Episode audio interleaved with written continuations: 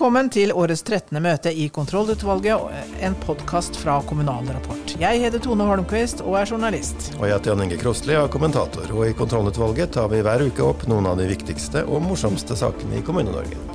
Fylkesdeling står øverst på dagsordenen også denne uka.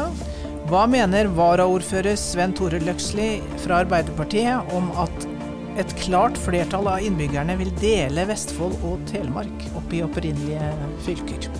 Og kommende tirsdag så legger regjeringen fram revidert nasjonalbudsjett og kommuneproposisjonen. Og vi spør interessepolitisk direktør Helge Eide i KS hva som er deres forventninger. Vi fortsetter å intervjue ungdommer fra regjeringens distriktspanel denne uka. Cecilie Skrindo fra Ål i Hallingdal.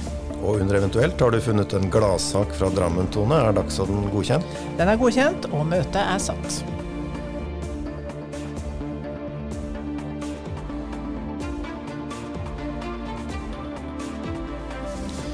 På møtet i kontrollutvalget forrige uke snakka vi om Lokalsamfunnsforeningens meningsmåling i Viken, som viste at et klart flertall i de tre tidligere fylkene ønsket å dele opp igjen fylket. Nå er det kommet en eh, lignende måling for Vestfold og Telemark. 58% av innbyggerne i Vestfold og 64 av eh, dem i Telemark vil gjerne dele fylket opp igjen. Og litt over halvparten av innbyggerne vil ha en folkeavstemning. Og Telemark Senterparti har nylig gått inn for deling, men partiets fylkesordfører Terje Riis-Johansen vil ikke uttale seg om saken. Så da spør vi deg, fylkesvaraordfører Sven Tore Løksli fra Arbeiderpartiet. Hva er din reaksjon på målingen den viser? Jeg er nok ikke helt overraska kanskje over, over målingen. Eh, hele regionreformen har jo, eh, har jo, tatt en litt annen vending enn både det som, som Arbeiderpartiet og og kanskje vi som fylkespolitikere ønska oss. Eh, det har vært litt rar inndeling, eh, f.eks. med, med Kolossen Viken. Eh, Troms og Finnmark med tvangssammenslåing osv. Så, så, så, så er nok ikke helt overraska over målinga. Samtidig så, så, har jeg lyst til å si at det å jobbe som fylkesvaraordfører i Vestfold Telemark, opplever jeg, da opplever jeg at det har satt seg på en, på en bedre og bedre måte. Vi har masse utfordringer som, som organisasjon Vestfold Telemark fylkeskommune. Um, men vi jobber oss sammen. Men Er, er det litt tidlig å, å felle noe dom? Jeg syns jo det. At det, det, er litt tidlig. Altså, de har nå vært eh, et fylke i, i godt og vel snart et halvannet år. Eh, og det, det, er viktig at det, det fortsatt seg litt. Samtidig så skal man ta sånne målinger eh, på alvor også. For det, det, er, en, det er en mening blant folk. Så, så man tar det på alvor, men jeg syns det er litt, litt tidlig. Hva er din og Arbeiderpartiets mening om fylkesdeling og en eventuelt folkeavstemning om eh, spørsmålet? Vi er veldig tydelige på at vi ønsker å ikke for tvangssammenslåing. Det må være et ønske eh, fra fylka. Og, og, og, sånn sett så, så, har man jo sagt at eh, der det gjennom demokratiske prosesser ønsker en oppsplitting, så skal man legge til rette for det dersom det blir et nytt stortingsflertall. Mm. Så, uh, så, så, det med Viken og, og Troms og Finnmark er jo, er jo ganske tydelig. Det som, det som, er, det som gjør det litt komplisert for Vestfold og Telemark, synes jeg, da, det er jo at uh, fylkestinga peker på BTV, altså Buskerud, Telemark, Vestfold. Og det er klart. Hvis Viken nå blir satt i spill igjen, så, så tror jeg kanskje det kan komme noen, uh, noen spørsmål til oss. Så hva, hva, gjør vi nå som Vestfold og Telemark fylke? Så det, det, blir litt spennende for oss å følge det framover, men litt på sidelinja opplever jeg. Og, og, til spørsmålet om folkeavstemning, så mener jeg at vi har, vi har folkeavstemning annethvert år gjennom demokratiske valg eh, til Stortinget. Jeg mener at det, det er eh, særdeles det er de store store spørsmålene som EU-deltakelse, om vi skal ha eh, eurovaluta eller sånne typer spørsmål, som jeg mener egner seg for folkeavstemning. Eh, eller så har vi folkeavstemning gjennom eh, valg. Så neste mulighet for folkeavstemning mener jeg er 13.9. Nettopp.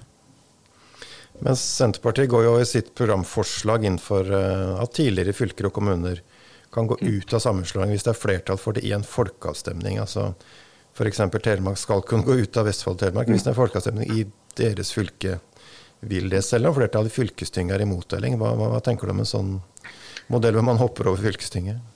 Ja, det, det, sa jeg vel egentlig litt hva jeg mente om det. Jeg, jeg mm. mener jo at det er de, de demokratiske valgene til, til, fylkestinget og til nasjonalforsamlingen, til Stortinget, som, som er folkeavstemningen.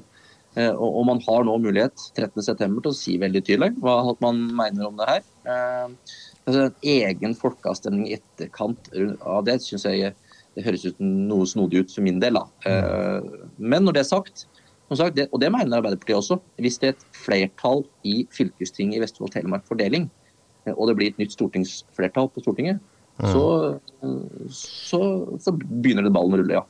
Så sak, For Senterpartiet vil jo reise saken i fylkestinget. Hva vil Arbeiderpartiet mene da? Har dere noen mening om saken?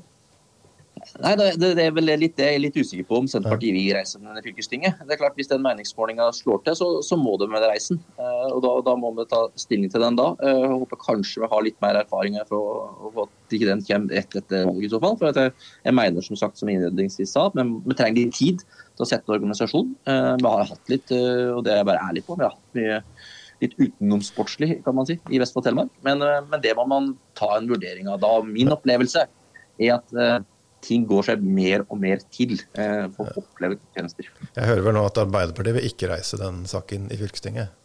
Om, jeg om å dele ikke, nei, eh, men jeg kommer ikke på, på, eget initiativ til å reise den saken i fylkestinget. Mm. Da sier vi takk til deg, fylkesvaraordfører Svein Tore Løksli i Vestfold og Telemark etter det.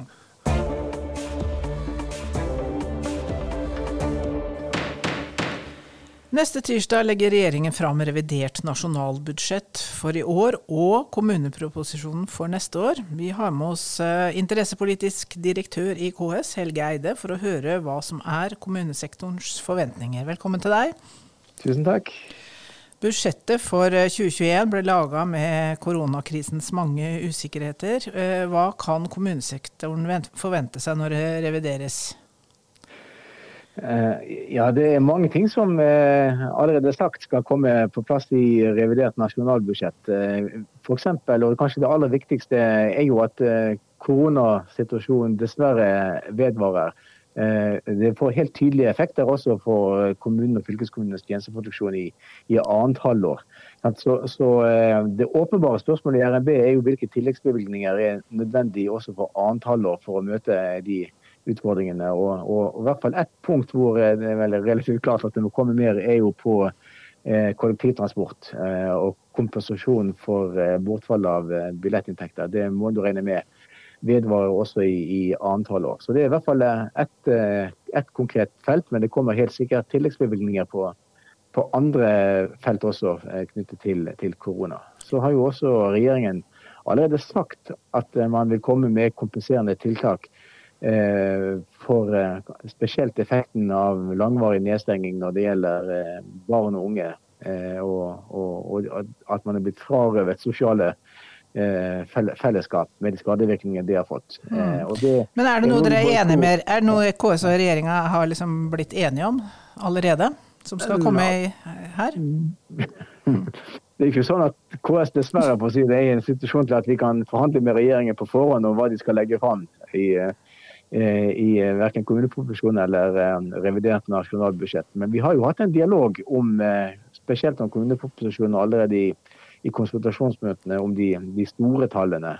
Og Hvis du ser bort fra koronaeffekten, så er det vel ingen grunn til å vente noen revolusjon i neste år, verken i positiv eller negativ retning sammenlignet med det kommunene er vant med fra før.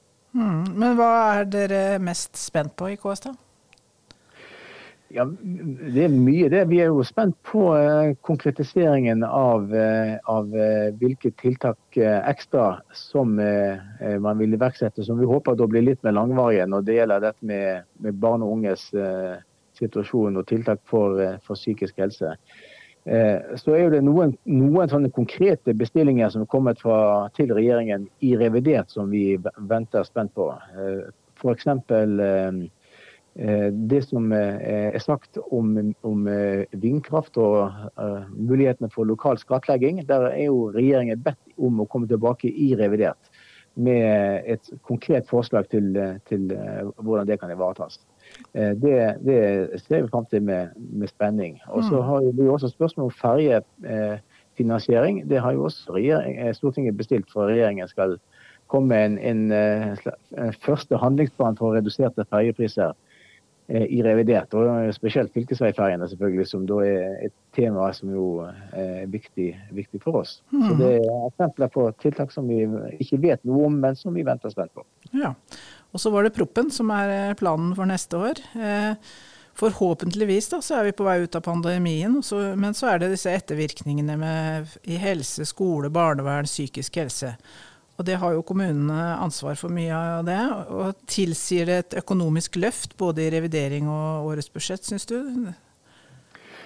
Eh, ja, eh, det gjør det. Eh, så må vi vel samtidig si at også vi er fullt innforstått med at det ikke alltid bare er penger som er problemet eller utfordringen. Det som jo vi her vet, er at det kommunale tjenesteapparatet er jo allerede presset så det holder over lang tid.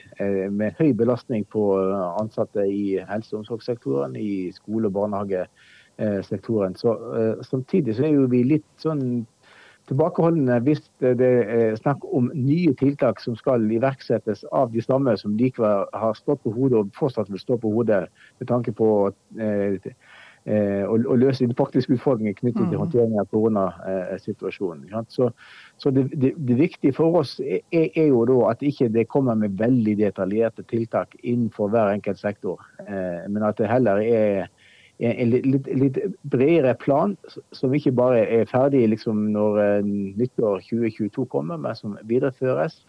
Og hvor det samtidig er lokal frihet til å utforme tiltakene ut ifra hva både kapasiteten i tjenesteapparatet tilsier, men også ut ifra hva det lokale behovet til stede. Det, det mener vi er fornuftig, selvfølgelig av hensyn til kommunene, men enda mer av hensyn til de som skal være eh, målgruppen for, for de tiltakene.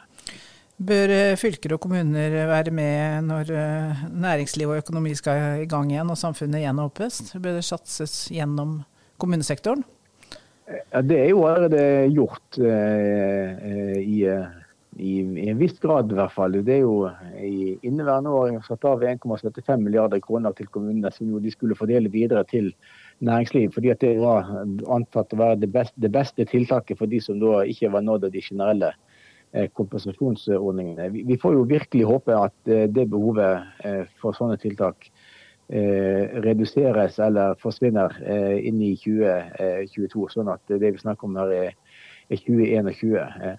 Når det så gjelder mulighetene for å altså, forsterke investeringstiltak, altså øke aktiviteten i, i, i, samfunnet generelt, så er det rike muligheter til å bruke både kommuner og fylkeskommuner til, til det. Og, og, også når det gjelder kompetansebygging videre, så håper vi og tror vi at de veldig positive tiltakene i Utdanningsløftet eh, for, som fylkeskommunene har fått spesiell tilgang til, kan, kan bli videreført. Nylig fikk regjeringen rapport med forslag fra sitt distriktspanel av ungdommer. og Fram mot sommeren så har vi invitert noen av medlemmene i panelet til kontrollutvalget. I dag er det Cecilie Skrindo fra Ål i Hallingdal. Velkommen til deg. Tusen takk. Eh, vi lurer litt på hva skal til for at du blir boende i Ål i Hallingdal når du er ferdig med skolen, for nå går du på videregående, ikke sant? Ja, jeg slutter der nå i sommer. Ja. Hva skal til for at du blir, blir værende der? Eh, nei, for min del så handler det veldig mye om jobb. Eh, det å på en måte kunne ha drømmejobben sin der man skal bo. Eh, det å ha et levende samfunn. At, ja, at det er rett og slett muligheter for å utvikle seg i distriktet. At man har muligheter for å finne på ting utenom jobb. Det å ha en enebolig å bo i. Og at det er trygt og godt, egentlig. Mm. Hvordan ser det ut for deg og Ål på det området? Hva, hva, har du tenkt å bli? Jeg skal begynne på sykepleierstudiet til høsten. Ja. Og treng, de trenger vel sykepleiere i Hallingdal? Det gjør de.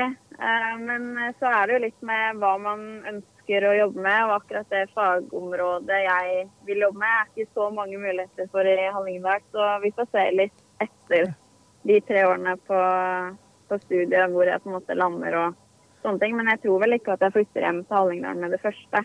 Hvor langt må du for å ta utdanningen, da? Må du Nei, du kan ta det altså Egentlig kan du ta det desentralisert neste, med neste år eh, mm. på Torpomoen, men jeg har valgt å flytte til Gjøvik, da. Ja. For hva, å begynne å studere. Mm.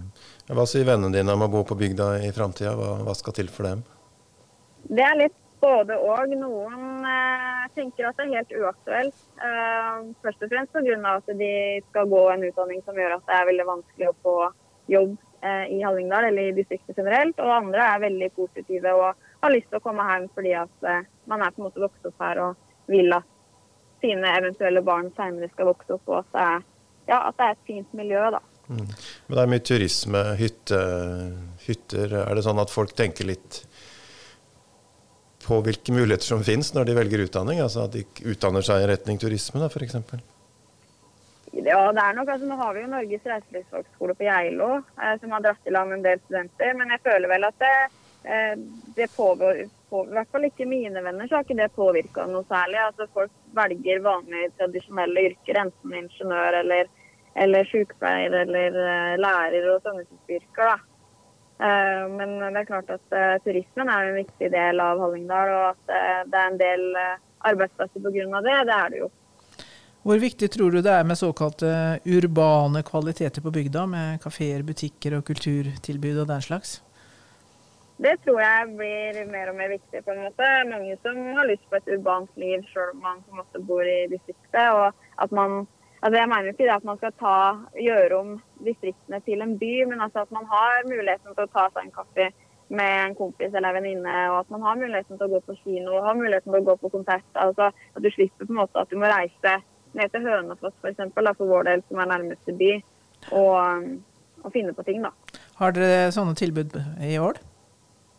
Ja, altså vi har jo gode altså Ål er jo kåra til andre eller kulturkommuner i landet. Så vi har et veldig godt kulturtilbud her i Hallingdal. Men det er klart det kan nok bli bedre i forhold til tilbud til ungdom bl.a. Men jeg føler jo vi er jo ganske heldige i Hallingdal i forhold til andre distrikt. da, I og med at vi har såpass mange gode tilbud på mange forskjellige områder. da. Vi er jo et litt unikt distrikt på mange måter. Eh, dere har gitt noen råd til regjeringen. Eh, tror du det blir fulgt opp?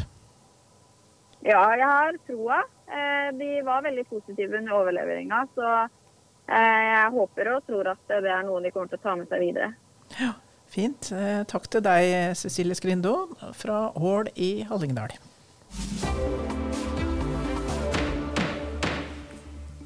Da var det eventuelt, Tone. Hva har vi der i dag? En liten gladsak fra Drammen. Ja, nå er jeg spent. Mm -hmm. Det dreier seg om parkeringsbøter. Og da er det vel ikke noe gladsak? Jo, det, dette er, er det likevel. Det var altså her om dagen at flere bileiere i Drammen som trodde de sto helt lovlig parkert, fant en liten gul lapp på vindusruta da de kom for å hente kjøretøyet sitt. Og det er jo vanligvis eh, dårlig nytt, og noen slapp vel sikkert en glose eller to før de leste lappen. Ja, Eller kanskje de ikke leste lappen og bare putta den i lomma. Mm, og da fikk de en dårlig dag. Mens de andre, som måtte se med en gang hvor mye penger de skulle utmøte kommunens parkeringsetat, tipper jeg ble stående med et lite smil om munnen. Aha, Hva sto det, da? Ja, Det sto litt forskjellig. Ifølge lokalavisa Fremtiden så sto det bl.a.: Du er flott akkurat som du er. Oh, oh. Du er flink, stå på. Du har fått denne boten fordi du har parkert så fint. Hva har skjedd i parkeringsetaten i Drammen? Er det litt tidlig solstikk? Eh, nei, det var jo ikke parkeringsetaten da, som hadde vært der. Det var elever ved Åskollen skole som ville gi noen oppmuntrende ord til folk i nærområdet. Ja, og et tips til parkeringsetater rundt i hele landet? Ja, og til alle disse fæle parkeringsselskapene. Dem har jeg fått noen hilsener fra, i hvert fall. Og det sto i hvert fall ikke at jeg var eh, flink til å parkere. Aldri. Men det var det kanskje ikke heller? Jeg sto ikke i veien for noen, vil jeg si, da, men eh, jeg sto kanskje litt for lenge, da. Ja. Ok, vi gir oss her. Møtet er hevet. Og møteledere i kontrollutvalget var som vanlig Tone Holmquist og Jan Inge Krossli. Og vi har også stått for det tekniske.